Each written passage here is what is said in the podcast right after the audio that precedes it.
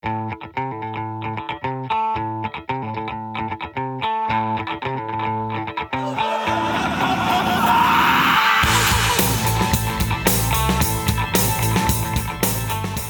velkommen til en ny episode av Filmfrelst, podkasten fra filmtidsskriftet Montasj. Mitt navn er Karsten Meinick, og jeg sitter her på Vega scene sammen med Tor Joakim Haga. Hallo, ja. Hei, Tor Joakim. Og Truls Foss. Hallo. Truls, du er jo tidligere bidragsyter til montasje. Du er det fortsatt, men du har jo blitt programsjef her på Vega scene siden sist. Så du er jo litt sånn på hjemmebane. Eh, og til lytterne våre der hjemme eller eh, på pendlertoget eller på reise i utlandet som savner eh, kulturen hjemme i Norge, så er vi altså live inne på Vega scene i Oslo i kveld. Og det vi skal snakke om i denne episoden, det er den sørkoreanske mesterregissøren Park Chan-wooks hevntrilogi. Og med det så mener vi de tre filmene 'Sympathy for Mr. Vengeance', 'Oldboy' og 'Lady Vengeance'. Eller 'Sympathy for Lady Vengeance', som den også het i noen territorier. Han har jo laget mange flere filmer enn de tre, så jeg tenkte at innledningsvis i episoden så skal vi snakke litt løst om Park før vi kommer inn på disse tre filmene. Og Truls, jeg får starte med deg. Eh, Park Chan-wook har jo vært her i Oslo. Både du og jeg har hatt gleden og liksom den litt sånn nervøse opplevelsen av å, av å snakke med ham. Hvordan var ditt uh, førsteinntrykk og sånn generelle inntrykk av Park Chan-wook som person? Uh, Ut ifra liksom, filmene han har laget, og ganske nært forhold til de. Det var noe av de første filmene som Eller det var ikke noe av det første, men det betydde veldig mye for meg på ungdomsskolen og starten av videregående. Det er en av de første regissørene jeg måtte grave opp. Jeg så Oldboy. Måtte grave opp da 'Sympathy for Lady Vengeance', 'Sympathy for Mr. Vengeance'. Det var på en måte en av de regissørene jeg ordentlig oppsøkte. da Som også introduserte meg til et ellevilt filmspråk. Uh, så det gikk litt opp med Jeg kom akkurat hjem fra Tokyo på torsdag og var litt jetler og litt ute. Uh, skulle ha det intervjuet på søndag kveld. Uh, satt lørdag morgen hjemme og så Kammerpiken igjen, og så gikk det opp for meg. Shit. Mm, det er Park Chan-wook, ja. Ja. Oi. Ja, Det er litt sånn Eh, Sør-Koreas Steven Spielberg, på Ja, en måte. det er virkelig litt det. Og da, var det, da bygde jo nervene seg ganske mye opp. Men til min store lettelse så var han jo, i likhet med japanerne, ekstremt høflig, mild og varm. Og bare veldig god. Så jeg kom på en måte rett, rett inn i det jeg akkurat hadde vært i, på et vis. Bare for å dra inn Tor Joakim der. altså Du er jo ikke utenfor fordi du ikke har sittet og intervjuet Park Chan-wook. Men, du har jo- men du har jo et forhold til han gjennom filmene. Er det ikke litt overraskende at en person som lager såpass mørke filmer, er så myk og trivelig? For det var akkurat det han var. Ja, ok. Jeg vet ikke, jeg har aldri møtt ham, men det er jo fantastisk. Det er jo, jeg syns det er fascinerende generelt med filmskapere som er stikk i strid med de, filmene de lager. Det er jo en så morsom eh, greie. Ja, det var jo nettopp det jeg hintet Ja. litt til. Da, at eh, Det er jo ofte tilfellet Han har sagt at han lager filmer Han har så kjedelig liv at han må lage film om såpass mørke og dramatiske ting. Da. Føles litt som en sånn eh, en statement som kanskje ikke nødvendigvis er, er så sann. Men, men hva er ditt inntrykk, eller hvordan liksom ble du dratt inn i hans eh, Hva var de første filmene du så som gjorde inntrykk? Ja, altså ja, vi, hadde, vi snakket litt om dette på podkasten hvor vi snakket om eh, eh, film fra Sørs program. Litt den bakgrunnshistorien der. Nei, altså Jeg studerte jo film på begynnelsen av 2000-tallet på Blindern. Og da, rundt 2002 der, så var uh, Park Chan-wook det var liksom det nye hete navnet. Eh, det var jo obligatorisk faktisk for oss å gå på Film fra sør og se de filmene den gangen. Det var vel da Mr. Vengeance som var det nye hotte. Og det ble skrevet uh, hovedoppgaver og avhandlinger om ham uh, over en lav sko. Så jeg fikk jo det, det forholdet ganske tidlig. Jeg måtte jo da gå inn selv og se hva dette var for noe. Uh, og gjennom årene har jeg sett omtrent all, all spillefilm. Jeg har noen sånne små kortfilmhull og Drumber Girl, hva er den heter for noe, den TV-serien og sånn. Men men jeg er jo da litt fra en litt annen vinkel kanskje enn dere. For jeg har, har jo lagd en sånn rankingliste eh, over mine favoritt-Park som er veldig provoserende. Oh, ja. Har, du, har, du utra har du en utradisjonell favoritt? Ja, jeg har jo de tre, topp tre. Eh, vi skal jo her i dag snakke om eh, hevnteologien, og jeg må bare innrømme at den er ikke på topp tre for meg. Nei, den er ikke det. Det er meget provoserende. Er er, er det da den amerikanske filmen hans som er øverst på Det er den en, en av de få som ikke vises er, på programmet, er jo da min favoritt, Stoker. Ja. Eh, som er litt provoserende. Og nummer to som vises her, er uh, Joint Security eh, Area. Ja. Og nummer tre den er ikke så kontroversiell, da, det er jo The Handmaiden. Som, men, men først etter at jeg hadde sett den tre ganger. Første gang jeg så den i Cannes, så skjønte jeg ingenting. Og det kan vi komme litt tilbake til, akkurat det generelle forholdet jeg har til, til Park Chan-wook. Men, men så tredje gang så så jeg liksom lyset, sånn som du nevnte i stad, med, med, med han. da.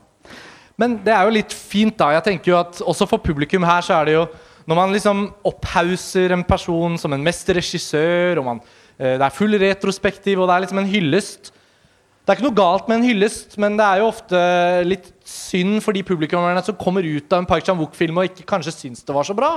Så er det litt leit at alle går rundt og hauser det opp hele tiden. da. Så det balanserer jo panelet sikkert litt. men det er jo uavhengig av hva man liker og misliker med disse filmene, så gjør de jo inntrykk. Det tror jeg er hevet over enhver tvil. At uh, Park Chan-wooks filmspråk har så mye kraft i seg. Og han er også villig til å vrenge ut dramatikk og tematikk og symbolikk i nesten alle filmene sine. Så uansett om man liker dem eller ikke, så er det veldig vanskelig å gå likegyldig ut av en Park Chan-wook-film og ikke ha noe å ville si om dem. Og det bringer oss jo litt inn på da denne hevntrilogien, da, fordi den, den blir jo en veldig sånn klar og ren uh, helhet når man snakker om det som en trilogi. Men filmene er jo ganske forskjellige fra hverandre. Så jeg tenker det er naturlig å bryte de litt opp. Uh, og siden det er Lady Vengeance som vises i kveld, så tenker jeg det er fint å få snakket litt om den også, fordi det føler jeg er den minst omtalte av de tre. Og Oldboy er på en måte mesterverket på den måten. Truls, vil du Og de var vel ikke utgangspunkt ment til å være en trilogi? Det var vel uh, Noen sånn retrospektiv trilogi. Det var vel Ja. vestlige kritikere som gjorde det om til å bli en trilogi, faktisk, tror jeg. Hvis jeg ikke husker feil. Jo, jeg tror også jeg har lest det at det var ikke nødvendigvis så bevisst, men hvis man ser på de andre filmene til Park Chan-wook, så ser man jo at flere av de andre handler også om hevn. Så man kunne gjerne utvidet og sagt ja, hevnkvadrilogien. Ja, typisk. Så det er en liten konstruksjon, men det hjelper oss hvert til å tematisk knytte disse filmene sammen. Eh, vi kan jo ta det litt sånn kronologisk. 'Sympathy for Mr. Vengeance'. Uh, I 2002, da den filmen kom, da var det ikke etablert en koreansk filmbølge eller et spesifikt fokus på koreansk film. Men ganske raskt i den perioden Det var ikke bare Park Chan-wook som kom med spennende filmer da, men over en sånn kort periode fra 'Sympathy for Mr. Vengeance' til 2002, og så 'Oldboy', og så plutselig med 'Lady Vengeance' noen år etterpå, så var koreansk film omsnakket i veldig stor grad. Og ved siden av Park Chan-wook så vokste jo regissører som Bong Joon-ho, som står bak 'Parasitt', åpningsfilmen på Film fra sør, og Kim Ji-won og flere andre filmskapere frem. Så det har jo blitt en skikkelig bølge av det. Men for deg, eksempel, Tor Joakim, da, 'Sympathy for Mr. Vengeance' og 2002 Du refererte jo til studietiden din. Um, hva, hva slags Har du noe sånn minne av hvordan den filmen Ja, altså Jeg må jo bare først innrømme det at de tre, disse tre filmene uh, i denne løse eller, trilogien Den går litt over i hverandre. Og det han, handler om et aspekt ved hans uh, stil, hans innfallsvinkel, som, eh, som vi kan komme tilbake til. Men ja, det, det minnet jeg har av den filmen, er noen enkeltsekvenser. Da, spesielt disse elleve eh, sekvensene. eh, hvor ja, Jeg skal ikke avsløre noe noe spoiler hvis noen ikke har sett den her. Men Nei, jeg, jeg, jeg, jeg tenker det er En gammel film, da. Noen små bilder trenger jo ikke være spoilers. Jeg har en følelse av at du skal si det jeg tenker på. Nei, si det. Altså, det er et bilde i 'Sympathy for Mr. Vengeance' som nesten var det eneste jeg ordentlig husket etter den filmen. I hvert fall noen år etterpå. så jeg tenkte tilbake på den Og jeg så den om igjen tidligere i år, for første gang siden 2002. Og da kom den jo veldig mye klarere frem som et plott. Men det er et bilde hvor en person blir avkuttet akillesene under vann. Og det ser ekstremt realistisk ut. Det ser ut som et bilde av det som skjer. Det er sikkert veldig bra effektarbeid, da. Men den følelsen av å se det i takt med en film som bare blir mørkere og mørkere og mørkere og all, altså sånn, Det er sånn film hvor hevn blir som en stafett. At når den ene er ferdig, så er den andre fylt av hevn. Og så blir det hevn på hevn, og så blir det bare det er jo, det er jo hele dette, denne, dette elvemotivet. Det går igjen flere ganger i filmen. Altså Ja. På en måte syndefloden som kommer inn og så skyller, skyller vekk eh, synden. Ja. Men det er, det er også interessant med den filmen er jo at den introduserer noen rollefigurer som eh, tilsynelatende kanskje ja, dør de, de forsvinner litt ut, og så kommer de inn igjen på merkelig vis. Altså det er, han, han, leker med vår identifikasjonsstruktur da, på en spesiell måte. Det er jo et problem for meg både med den og Oldboy og Lady Vengeance at uh, Park Chan-wook har en sånn slags s- strategi. Altså han, det er ikke nødvendigvis så veldig sånn labyrintinske fortellinger. Altså det, man kan jo skjønne fremdriften i det, men han har noen sånne innfall. Han kommer med enkeltsekvenser, slående i seg selv, men som han sliter med å sette inn i, i fortellingen. Og derfor altså er sånn seg, De er segmentariske filmer, da. Og Ja. derfor blander jeg de tre litt sånn i forhold til hva, hva hører til hva og sånn. Ja. Det, Truls, det ligger jo liksom litt i tittelen her også. Du trekker det inn, Tor Joakim. Altså, man snakker jo ofte om sympatistrukturer i klassisk narrativ fortelling. At man etablerer gjennom noen scener i første akt, så får man forankret seg inn mot skjebnen til rollefiguren, så er man med dem. Og Park er jo så, så direkte her at han putter ordet rett inn i tittelen. 'Sympathy for Mr. Vengeance'. Og det er, jo, det er jo grufulle ting som skal hevnes her òg, da. Så da, det er jo ikke egentlig vanskelig å, å føle med ham på sett og vis. Men uh, hvordan, hvordan står du i forhold til denne første filmen i trilogien, Truls? Eh, det er nå, den, nå har jeg sett opp igjen Oldboy i løpet av høsten og uh, Lady Vengeance ganske nylig. Sympathy for Mr. Vengeance er det tre år siden jeg så den. Sånn. Så det er den som er lengst unna. Um, når jeg så den opp igjen, så var det også, ble det også bekreftet at det er, det er definitivt den jeg syns er mørkest. Det er den blikeste og dystreste. Og det er nok den av de filmene jeg også har vanskeligst med å plassere. Fordi, og rett og slett fordi formspråket er ikke mer tradisjonelt. Den har fortsatt disse innfallene som Den er mer tradisjonell i forhold til de to andre. Eh, Par- og mindre på en måte punkete og rufsete. Den er, den er, den er sårere, da. På Ja, en altså- annen måte. hvis man slår opp Park Chan-wook på IMDb, så ser man at han lagde to filmer på 90-tallet. Uh, Joint Security Area var hans tredje, og så Sympathy for Mr. Vengeance. Han har sagt i intervjuer her i Oslo at han nærmest ikke anerkjenner de to første. Han vil helst sett dem brenne i helvete. Han vil ikke at noen Altså Han var veldig direkte på det. Så på sett og vis så må vi også anerkjenne at Sympathy for Venge Mr. Vengeance i Parks eget blikk er en veldig tidlig film. Apropos det med at noen av de estetiske tingene vi kjenner ved Park nå, de er jo ikke så fremtredende i den. Nei. Og den Ja. Måten Bruk- filmen beveger seg Bruken av musikk, måten filmen beveger seg fra liksom A til Å til du er på slutten av Ja. den, uh, har jo ikke den samme nerven som de filmene som kom da etter Oldboy og framover. Nettopp. Og vi, vi må jo ta det videre til Oldboy uh, for å komme gjennom alt dette. Det er jo mye stoff å snakke om. Uh, det er jo sikkert publikum her og, og lytterne der hjemme innforstått med at Oldboy er jo den mest berømte filmen til Park Chan-wook. Det er klassikeren. Det er også den på en måte, eh, hva skal vi si, Ikke kultfilmen, fordi den er altfor tilgjengelig til å helt bli en kultfilm. Steven Spielberg skulle jo lage versjonen av. Ja, altså, Apropos. den, er, den er jo i hvert fall den mest innflytelsesrike, da, får vi si. Og Oldboy hadde jo premiere i hovedkonkurransen i Cannes. Den fikk juryens spesialpris. Ryktene den gang sa at Quentin Tarantino, som var juryformann, egentlig ville gi gullpalmen til Oldboy. Men fordi Michael Moore Det var en veldig politisk tid, da, 2004 var det vel, i Cannes. Med, med Michael Moores dokumentar 'Fahrenheit 9-11'. Um, som ble gullpalmevinner den gang, men som er en mindre interessant film enn Oldboy i dag. Um, Tor Joakim, Oldboy er jo så hyllet at jeg nesten aldri Jeg tror ikke jeg kan huske en person som har hatt en kritisk innvending mot den filmen. Hvis du skulle funnet én ting før vi begynner å si noe pent om den, som ikke er så uh, sterkt eller så bra, er det noe du har du noen innsigelser mot Oldboy? Nei, altså det er det igjen dette her innfallsgreiene. nå, uh, nå er det jo en ekstremt saftig film, da, i den grad man kan bruke et sånt adjektiv om en film. Eh, Når han tygger i seg den levende blekkspruten, ja, for eksempel. da er det i hvert fall saftig. Ja. Og, men den er også veldig interessant i det som var- så vidt var inne på med sympatistrukturer. altså Det er en, eh, en teoretiker som heter Greg Smith, som, som deler opp forskjellige sånne måter man kan identifisere seg med en rollefigur. Altså Du har dette med, med oppstilling. altså Hvordan er det kameraet setter deg opp i forhold til en rollefigur? Og så er det da neste hvordan, hva slags moralske vurderinger gjør du av det? Du, altså Selv om du står oppstilt med, med kamera, så betyr det ikke at du nødvendigvis er enig med fremstillingen av personen. Um, at du har noen moralske skrupler med, med, med personen likevel. Og det er det masse eksempler på også i, i Oldboy, føler jeg. Hvor, uh, hvor voldsom veksling av sympatistrukturer fra starten til, til slutten. Og det er jo en veldig sånn twisty film. men med det mener jeg at det er for de som husker sitt første møte med Oldboy, som ikke visste så mye om den i forkant.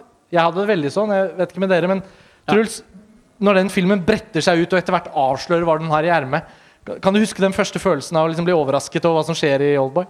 Ja, definitivt. Den, uh, I liksom sluttakten til filmen, Ja, uh, den uh, formen for eh, mikset følelser av eufori, glede og sjokk, eh, sympati. Det var så mye som foregikk inni meg da jeg så den første gang. Og det var det også sist jeg så den Ja. eh, i høst.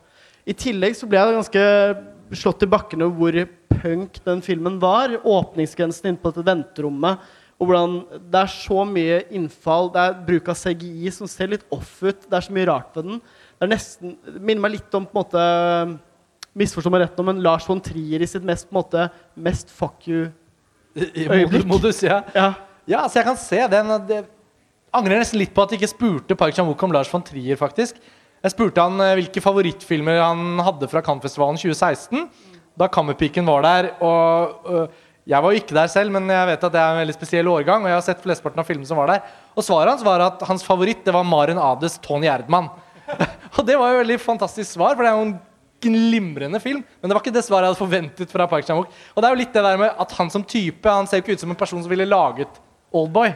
Så det kan hende at hans smak også ikke nødvendigvis er kompatibel med hans egne filmer. da, nødvendigvis virker jo ikke sånn Inntrykket nå da er at det virker jo ikke sånn. Han, virker, han er jo veldig på samtalene. Så har han også vært veldig sånn to the point i forhold til rent konkrete filmiske på en måte sånn, Hvordan å løse en scene, nesten. Mm. Han, er jo ikke en han er jo utdannet filosof, men han virket ikke så interessert i å snakke om de filosofiske aspektene. Nei. Mer om hvordan ja, han Men- løste filmene. Men Oldboy er jo I tillegg til alle de kvalitetene den har da, Nå glemmer vi på en måte å si hva det er som er så bra med Oldboy. Jeg tar det nesten for gitt at folk vet det, men, men den er jo så virtuos på alle sine ideer, og hvordan de ideene har forflyttet seg fra et manus til et storyboard til å bli bilder som føles så organiske og nesten innfallsbaserte at de ikke føles planlagt i så stor grad som man kanskje skulle tro at de var. da. Men bak det så ligger det jo så mye henvisninger til klassisk dramatikk òg. Tenker på bare myten om Ødipus eh, fra gresk mytologi. Eh, som er jo en av de elementene som dukker opp litt senere i filmen. Han virker jo også så belest og klok. Eh, ikke bare i hevntrilogien, men også i en film som 'Thirst', og hvordan den ser på religion og besettelse. Og i 'Kammerpiken', som er jo også et klasse- og kjønnsrolleportrett. Eh, han er jo tidvis en filmskaper som ser ut til å være på stupebrettet til å bli en skikkelig feministisk regissør, men som liksom ikke helt kaster seg uti fordi han holder det liksom hele tiden sånn tosidig og ambivalent. Um, Ja, så har det også litt med, med girskiftene. Nå skal ikke vi snakke så mye om Thirst, da skal holde oss til denne teologien Men jeg, tenkte å dra oss over på Lady Vengeance. ja, da, jeg vil bare, jeg bare som sånn, apropos nevne det, Ja. at når den uh, filmen har vart en, uh, en time, og når et slags naturlig klimaks i en leilighet, på en måte, så skifter han gir og egentlig setter han i gang med en helt ny film den siste timen. Som jo, er, som jo for så vidt har mange vakre ting, men han har noen sånne litt sånn, der, altså litt sånn punkete oppgjør med, med klassisk eh, fortellerstil. Altså, som jeg syns er, eh, Selv om det er litt frustrerende for meg med disse innfallene, så syns jeg jo det er litt kult. Jeg tror, jeg tror også det har hatt veldig mye å si for hvordan disse koreanske filmene, da, Park og flere av de andre regissørene, har vært så inspirerende for alle oss andre i verden. på en måte da. Når man snakker om koreansk bølge, så er det ikke sikkert at det er like tydelig for koreanerne selv. De er jo åpenbart at de har fått en veldig vital filmkultur. Og koreansk film er jo veldig populært i Korea. Jeg leste en artikkel om at Korea er et land man ser til for å prøve å forstå hvordan man klarer å holde amerikansk film på armlengdes avstand, i det minste. Og um, en film som 'Parasitt', som føles som en kunstfilm liksom, i den vestlige verden, og har vunnet Gullpalmen sånn. Altså, det er jo en, et box office-fenomen i Sør-Korea. Og 'Kammerpiken' var den absolutt største suksessen Park Chan-wook hadde opp, opplevd til da. da. Og 'Lady Vengeance' var faktisk da den mest populære av de tre filmene i hevntrilogien. Og Den skal jo vises her på Vega i kveld, og jeg syns det er litt sånn fint å komme inn på den, fordi den har liksom endt opp som en sånn Ikke egentlig undervurdert, da, men litt sånn undersnakket film i denne trilogien. Um, 'Sympathy for Mr. Vengeance' er liksom den første. 'Oldboy' er liksom det litt sånn ikoniske mesterverket. Mens 'Lady Vengeance', som jeg så da bare for noen uker siden om igjen Jeg syns altså den var så bra. Og jeg husker jeg likte den, men jeg husket ikke at jeg likte den så godt. Og den leker jo da med alt det vi har snakket om, men i tillegg så leker den så mye med, med tid. Det skjer jo selvfølgelig i Oldboy òg, men i Lady Vengeance utrolig imponerende hvordan han har strukturert den fortellingen mellom eh, fortid og nåtid. Og, og for, forskjellige parallelle fortellinger innad i tidsplanene. Og det er ender jo opp også som en veldig kompleks fortelling, fordi der hvor 'Sympathy for Mr. Vengeance' er en bekmørk hevnstafett. Og Oldboy er en slags sånn dobbelthevnfilm, hvor egentlig alle skal hevne seg på hverandre, oppå hverandre. Så er jo Lady Vengeance en film som også handler om en slags kollektiv. Handler liksom om en gruppe etter hvert som til slutt skal ta en slags sånn kollektiv avstraffelse. Og Hevnen går fra å være liksom hovedpersonens hevn til å bli større, et større oppgjør. Så Gjennom de tre filmene så er han jo også i stand til å liksom videreutvikle hvordan han behandler tematikken. da. Der er det litt motsatt altså, i Lady Vengeance, for der er første timen veldig kompleks. Eh, mens den siste tre kvarterene i timen er veldig stram. Ja. Så der gjør han nesten litt sånn det motsatte, føler jeg. Eh, igjen en sånn lek med, med tid og, og fortelle. Men Lady Vengeance, Truls, du, du hadde også sett den opp igjen nylig. Ja, jeg, jeg, ble, jeg ble veldig overraska over Sånn jeg huska det fra før, da, så var det på en måte Første filmen var mer tradisjonell, og så var det Oldboy som på en måte var den mest ville. Men gjensynet nå, så er det jo på én måte, syns jeg, Lady Vengeance som er den mest absurde og ville av de. Eh, den sprekheten i valg av bruk av grep og fortellerstruktur som både Jeg vil si at den både føles amatørmessig samtidig som den føles utrolig profesjonell. Den har en sånn mellommåte å være på som gjør at jeg sitter som tilskuer og føler virkelig på Plutselig så har den noen talking head-sekvenser, og så glir det over til flashbacks. Og så har vi nåtid. Den, den er så leken, da. Ja, altså Det er en sånn film hvor man føler at hovedpersonen, i hvert fall henne, hele tiden ligger foran oss. Hun vet liksom ting ett minutt eller to minutter før oss. Så drivkraften i å følge med på filmen blir så sterk. For man må hele tiden men Hva er det som skjer nå? Det er som en sånn heist-film.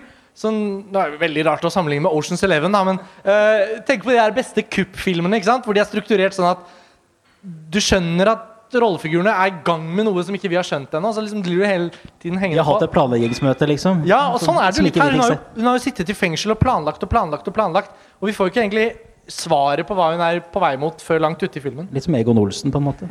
Olsenbanden er selvfølgelig 'Jeg har en plan'. Men så må det jo også være, som du nevnte flere ganger nå, eh, den av de filmene som er mest innfallsbasert. Opplevde iallfall jeg vel det som. At Ja. den, den er på en måte bare så mye fram Utvilsomt. Og, og det kan si det, det er litt negativt for meg i opplevelsen av historien. Men jeg tar meg jo selv, spesielt også i denne filmen, av å stoppe opp og se på enkeltsekvenser og, og liksom la meg Hva heter det på norsk? To, to be marveled. Altså til å Fortryllet? Fortryllet, ja. Ikke sant? Fantastisk. Av, av iscenesettelsen. En sekvens midt i der med sånt øh, slags oppgjør i en øh, bakgate, og det er noe snø og noe, noe sånn helt fantastisk. Eh, men jeg vet jo ikke hva det har med noen ting å gjøre. Altså, det er jo, jeg er helt ute. Men jeg bare lar meg fortrylle av den enkeltsekvensen. I tillegg at den går fra å være ganske rufsete. Jeg føler at filmen sakte, men sikkert utoverveis liksom i løpet av de to timene eller hva filmen var igjen, blir mer og mer estetisert da, og mer og mer renskåret. Mm. gjør det, og jeg må jo skyte om det. Vi har jo ikke snakket så mye om hans stil, egentlig. Eh, Vi har snakket mye om temaer og revenge og sånn. Men, men eh, det som slo meg når jeg så disse filmene om igjen for nylig, var jo dette med røyk.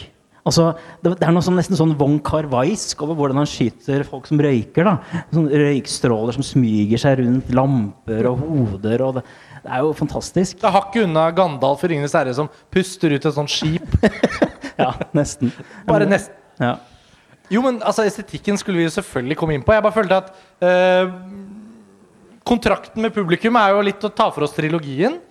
Det er viktig å få nevnt alle filmene og plassert dem. Og kanskje har vi også lyttere som, som ikke foreløpig har satt seg inn i disse filmene eller sett dem i det hele tatt. Og derfor føles det jo naturlig å starte der. Og jeg syns estetikken er jo kanskje det mest åpenbart identifiserbare ved Park Chan-wook. Liksom hvis jeg lukker øynene og skal tenke på en Park Chan-wook-film, så kommer det opp masse bilder. Masse eh, liksom gjennomarbeidede bilder som føles tidvis som liksom klassisk malerkunst. Bilder som er så gjennomtenkte at du tenker, kan tegne opp sånne diagrammer fra sånn kunsthistorie. som er sånn, ja, nettopp, han har plassert det akkurat sånn. Men det er likevel, nå har vi sagt det ordet mange ganger, det er så rart hvordan han klarer å For han sa det jo selv, han storyboarder alt. Alle bildene er gjennomtenkte. Og han vil helst at hvert bilde skal vare og vare og vare, helt til han eventuelt klipper. Så han er ikke så opptatt av klipping. Det er jo mye Sånn, klipp. Det er sånn japansk eh, Ja, ja, ja. Og samtidig så føles det ikke som tegneserier. For de er ikke så banale eller overfladiske. De har altfor mye sånn dybde i seg. Så det er en veldig sånn sammensatt estetisk opplevelse. For det er ikke bare overflate. Selv om det er det vi husker. da Kammerpiken er jo ikke enig er jo ikke i hevntrilogien, men det blir vanskelig å komme unna den. Nå føles den som det beste eksempelet. Truls, altså, du snakket jo litt med han etter en visning av Kammerpiken her i helgen, var det ikke sånn? Og før Før, ja. ja. Altså, var det noe ved Kammerpiken som du følte at det var viktig å spørre han om, som, som, som du eventuelt fikk svar på, eller var det vanskelig? Han, han snakker jo ikke engelsk, Park Chan-wook, så han var jo med, med tolk. Og tolken eh, før samtalen Jeg møtte tolken en god tid før på en måte, for planlagt spørsmålene og de tingene.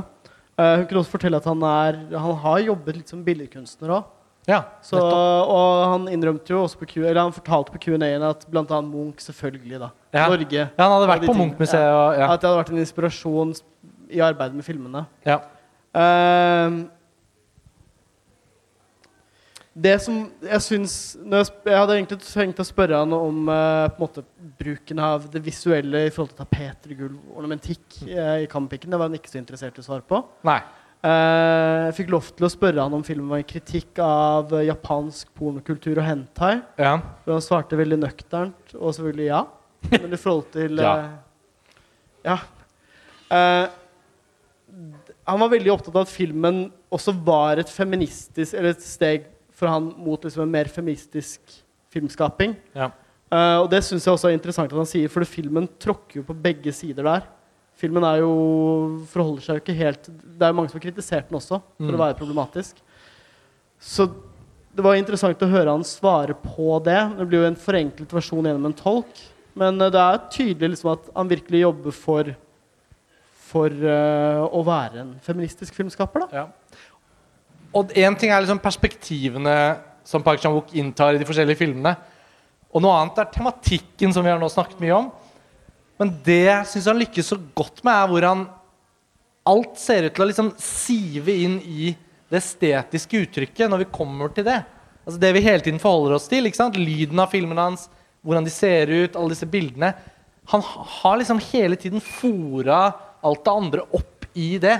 Og i tillegg så er det jo veldig ofte det estetiske uttrykket hans som skaper ambivalensen i filmene. Ja, nettopp. Som jeg synes er veldig Har du merket hvor mye han bruker heis i film? Apropos et sånt eh, grep som kan kommentere, speile en tematikk. Ja. Snakket om klassereiser og så, Jeg vet ikke om det er å trekke det litt langt, men, eh, men sånne små, små drypp da, som jeg Hans egen versjon av Upstairs Downstairs. eh, Ja, på en måte. altså, det morsomme med Kammerpiken det, Alle dere som har lest litt om filmen, vet selvfølgelig det, men den er jo basert på en britisk roman, 'The Fingersmith'. Er ikke det den heter?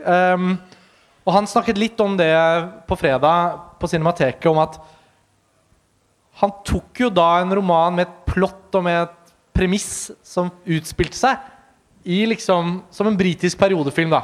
Hvor vi har det uttrykket 'upstairs downstairs'. ikke sant? Om det er uh, Gosford Park liksom, eller uh, Downton Abbey eller Men han, så fort han transporterte det til Sør-Korea, så skjedde det noe veldig interessant som han syntes var veldig inspirerende. Og det er jo noe jeg tenker på når vi sitter her i Oslo og i Norge og, og liksom uh, reflekterer over disse filmene til Park Chan-wook, så ser jeg jo veldig for meg Eller det oppstår en sånn avstand hvor jeg tenker at det er i Sør-Korea. Dette er koreansk. Dette er liksom noe som foregår der borte litt, og så kommer det til oss på Film fra sør, og så prøver vi å ta det inn. Men jeg tror grunnen til at han blir så det blir så bra, er jo at han, han snakker jo om universelle ting.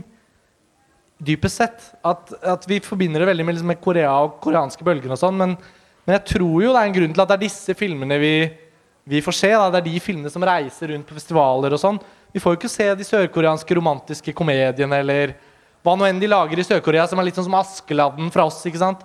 Askeladden-filmene som selger 200 000-300 000 billetter i Norge. Det er ikke en sjel ute i verden som er interessert i de filmene. Det synes jeg alltid er fascinerende når man snakker om sånn koreansk film. Korea, Korea. Men det som også er populært der borte, får vi jo aldri se. Altså, det er et eller annet han klarer å bygge noen broer. Og det har vel med tematikken kanskje aller mest å gjøre, da. Eller estetikken. Ja, og estetikken, da. Ja. Altså, jeg er mest opptatt av det. Og jeg, jeg så en film også på festivalen her som heter, um, som heter Wild Goose Lake. Kinesisk film. Eh, samme regissøren som hadde 'Black Cold Tin Ice' for noen år siden. Også en kjempebra film. En noir-film. Og der var det også så tydelig Altså Den filmen er en slags blanding av den, den klassiske den, den nye bølgen av kinesisk film. Eller nybølgen, nybølgen. Med han Jimo og den gjengen der. Det er jo noen år, år nå, da.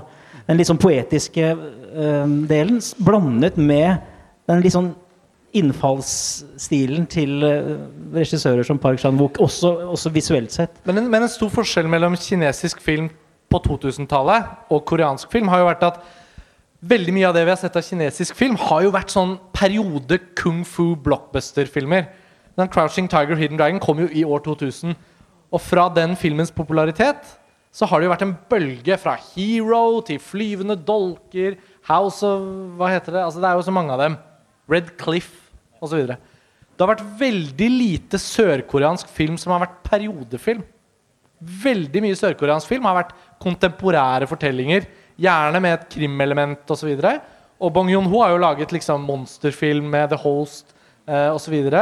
Samtidig så tror jeg det at de ser til sin egen tid, det hjelper jo også å forankre innholdet i de filmene til, til Jo, vårt men jeg tror det er en slags krysspollinering mellom en del asiatiske land der. Når jeg ser på en film som jeg nevnte i stad, som Joint Security Area, eksempel, Ja. så ser jeg at der er det faktisk det er John Woo, og det er han Tsui Harik, han han Ja. som er i den bølgen der, Ja. som han har inkorporert eh, der tidlig. Så det er liksom sånn kinesisk, koreansk, japansk Det er en del sånn uh, utveksling holdt på å si, av ideer.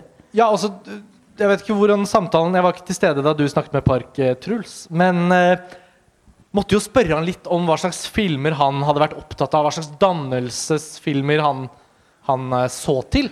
Han var veldig sånn eklektisk der. Eller han var liksom veldig sånn Ja, men jeg hadde ikke tilgang på så mye film. Jeg gikk ikke på filmskole, jeg var ikke på cinematekene. Så det ble liksom en og annen VHS-kassett som passerte min skrivebord. Altså, det var så Men han nevnte vagt svar. Visconti. Det kom fram som, et, som en inspirasjonskilde. Jeg føler Da det er jeg- sånn, det er sånn svar som man ikke kan bruke til noen ting. Visconti? Hæ? Jeg har ikke noe Hvor kom det fra? Men jeg, jeg stilte også spørsmålet hvordan Visconti, hvordan Ja. liksom kjærligheten, da. Oppriktigheten i bildene. Ja, okay. Uff, Så- den er vanskelig ja, å bygge er videre på. Ja. Det hadde vært veldig beleilig hvis han hadde svart noe sånn Sam Peckinpah eller et eller annet sånt. Litt sånn, For det er hevn som tematikk er jo selvfølgelig ikke ny. Verken i litteratur eller teater eller film. Og, og at dette er liksom Parks hevntrilogi Som sagt, det er jo litt sånn konstruert begrep, men det er jo selvfølgelig en urtematikk. For å liksom på en måte avrunde den, eh, den trilogien på en eller annen måte, da. Mm. Ikke samtalen om den trilogien. Som du har nevnt så mange ganger, at det er innfallsbasert. Jeg har opplevd at etter hevntrilogien så ble det innfallsbaserte ganske snørt opp og ble mer konsistente verker med Thirst Ja. og I'm Cyborg, som eh, selv om den er all over the place og rølpete Den er litt konsistent i sin inkonsistens. Ja, på en måte. Jeg så den nettopp for to timer siden. Den er helt ja, banana Og kammerpikken Kammerpiken er mer sånn Det er mer helhetlig øh, Ja, stramme filmer, syns jeg. Ja. Det var veldig gøy med den 'But I'm a Cyborg'. uh, I'm a cyborg, but that's okay. Som, ikke vi, som blir nevnt litt sjelden, da, fordi den er litt sånn av Liksom sånn lite sånn uh, merkelig lite Det er som om man har vært på ferie, og så En og så- søt, liten film. Ja. Men eh, jeg er gammel nok til da å ha vært på filmfestivalen i Berlin En av de første gangene jeg var der, så var den filmen der. Og da var jo 'Oldboy' den forrige filmen hans. Så sånne ekstreme forventninger, sånn hype uten like. da Park Chan-wooks nye film altså, hva med Cyborg Så, liksom, Bildene så ut til å være noe sånn futuristisk. Og så går man inn på den filmen, og så er det bare som å være på det merkeligste sirkus hvor de har holdt på med forestillingen i fire timer før du kommer inn. Og det bare alle bare Det er jo den merkeligste, men også herligste filmen. Jeg tror det er sånn, Man har behov for en sånn reaksjon. Jeg trekker jo alltid inn Spielberg, det er ikke meningen, men det er litt sånn etter, eh, store nærkontakt av tredje grad, så, så gjør han Ja. liksom 1941. Altså det er sånn, Ja. Jeg tror han hadde behov der for å få noe ut Kanskje. Han nevnte den ikke noe særlig selv, da. Men eh, Nei. nei. Kanskje, en kanskje behov for en pause og få noe ut. Ja. Bare Ja. Ja. Vi, vi, vi nærmer oss for så vidt slutten, Truls, selv om du ikke vil oppsummere. Jeg prøver å følge med på tiden. Um, det er et kvarter til visningen av Lady Vengeance begynner her på Vega. Og antageligvis, forhåpentligvis, så er det mange av dere som nå er til stede på livepodkasten, som kanskje skal inn og se den filmen. Ehm, hvis vi skulle liksom trukket noen linjer, men også sett litt fremover For jeg, jeg, jeg spurte han litt om hva, hva, hva han hadde i vente. Som, fordi han er jo ikke egentlig en så veldig gammel filmskaper. Han har vel blitt noen og 50, på en måte? 56? Jo, men han kan lage ganske mye film. Si hvis vi tar Clint Eastwood, da. Som fortsatt lager film, og han er 80, hva da, 85. Eh, så er det jo mye vi fortsatt kan, kan, kan vente på av Park Chan-wook. Han virket som han litt sånn var i gang med noe av det samme. Eh, han sa til meg at han skrev på en, en krimfortelling med en politietterforsker som har en datter altså det var noe Jeg bare kjente sånn mm, Det hørtes ut som en Park Chan-wook-film. Uh, men etter Kammerpiken får man jo litt lyst til at han skal fortsette med de litt mer sånn uh, ornamentalske, litt sånn storslåtte filmene. Da, for han håndterte jo det veldig bra. Jeg kunne gjerne tenkt meg å se han gjøre noe litt strammere igjen, sånn à la Stalker, da, som føler er Ja. ikke så innfallsbasert. Altså noe som er litt sånn Dette er en Det er stramt, men vakkert, på en måte. Men uh, nå har ikke jeg sett denne TV-serien eh, Little Drummer eh, Girl, så jeg vet ikke om det er er, ganske, typisk altså, er det noen her som har sett Little Drummer Girl, TV-serien til Park Chan-wook? Den ligger på TV2 Sumo, kan jeg varsle om. Jeg kjøpte den på DVD, da, for jeg liker den å ha den på hylla. Um, så nevnte jeg det for Park Chan-wook, og han bare Oh no, director's cut. Jeg var sånn uh, I bought it on DVD from England. No. In South Korea, it's a director's cut. Han snakker jo engelsk. Det er det som er så morsomt. Han krever tolk, og så snakker han engelsk. Um, så der var det en director's cut visstnok, som skal være veldig gjev. Som er gitt ut av den sørkoreanske Blu-ray-distributøren Plain Archive. Så da har jeg fått sagt det. At eh, den kan helst bare ses som director's cut. Så jeg fikk ikke snakket med han om det, for han var så misfornøyd med at ikke jeg hadde sett den. Um, men det er en veldig bra Det beste med den er at den er en miniserie. Min personlige smak i forhold til TV-serier er at jeg liker de seriene hvor jeg vet når de slutter. Hvis noen anbefaler meg en serie og sier den er midt i sesong fire nå, det kommer elleve sesonger, du burde bare kaste deg på. Nei, da går hele livet. Det er mye bedre å se film. To timer, så har man fått en estetikk og en fortelling presentert. Og når det da er miniserie, som da Park Chan-wook har laget, det er jo fantastisk. For da vet man at det er slutt. Og denne er faktisk veldig bra, men litt sånn undervurdert, for det er nesten ingen som snakker om den. Har du sett den, Truls? Nei. Anbefaling. Det er en veldig bra serie, men det er jo selvfølgelig basert for de som leser krim da, og er opptatt av John Le Carré og sånn, så er det jo en kjent bok. Bare nysgjerrig. Er den, er den ganske uvisuell til han å være? Nei, den er kjempepark. Kult. Det rare med at Film fra sør ikke viser den amerikanske filmen hans Stoker, og at de ikke viser TV-serien The Little Drummer Girl, er jo at to av de, det er to av de prosjektene som er mest sånn Park Chan-wook i estetikken. Da. Særlig Stalker. Det er sikkert derfor du også liker den så godt. Ja, Og den er stram. Er veldig stram, men den er jo super altså, Den er jo Ja. så mye han det går an. Deilig eksess. Et av de sjeldne tilfellene hvor en regissør fra et annet land går til Hollywood og nesten lager mer seg selv på film enn han gjør i hjemlandet. For den er også på min topp tre. Ja, er veldig bra.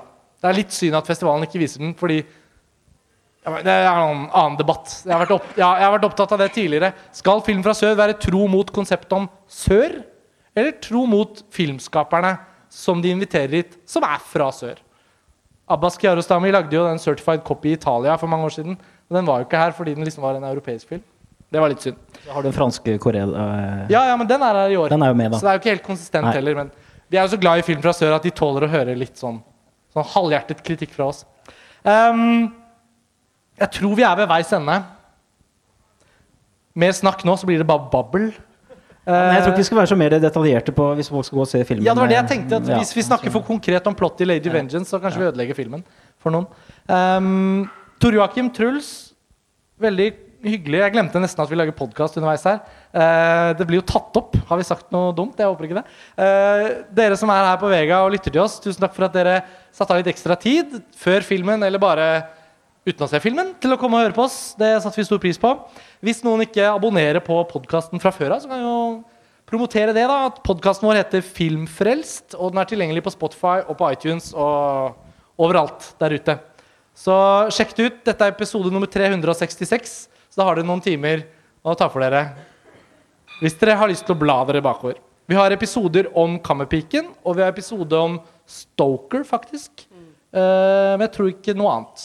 Forrige episoden det var det intervjuet med Park Chan-wook fra fredag på Cinemateket.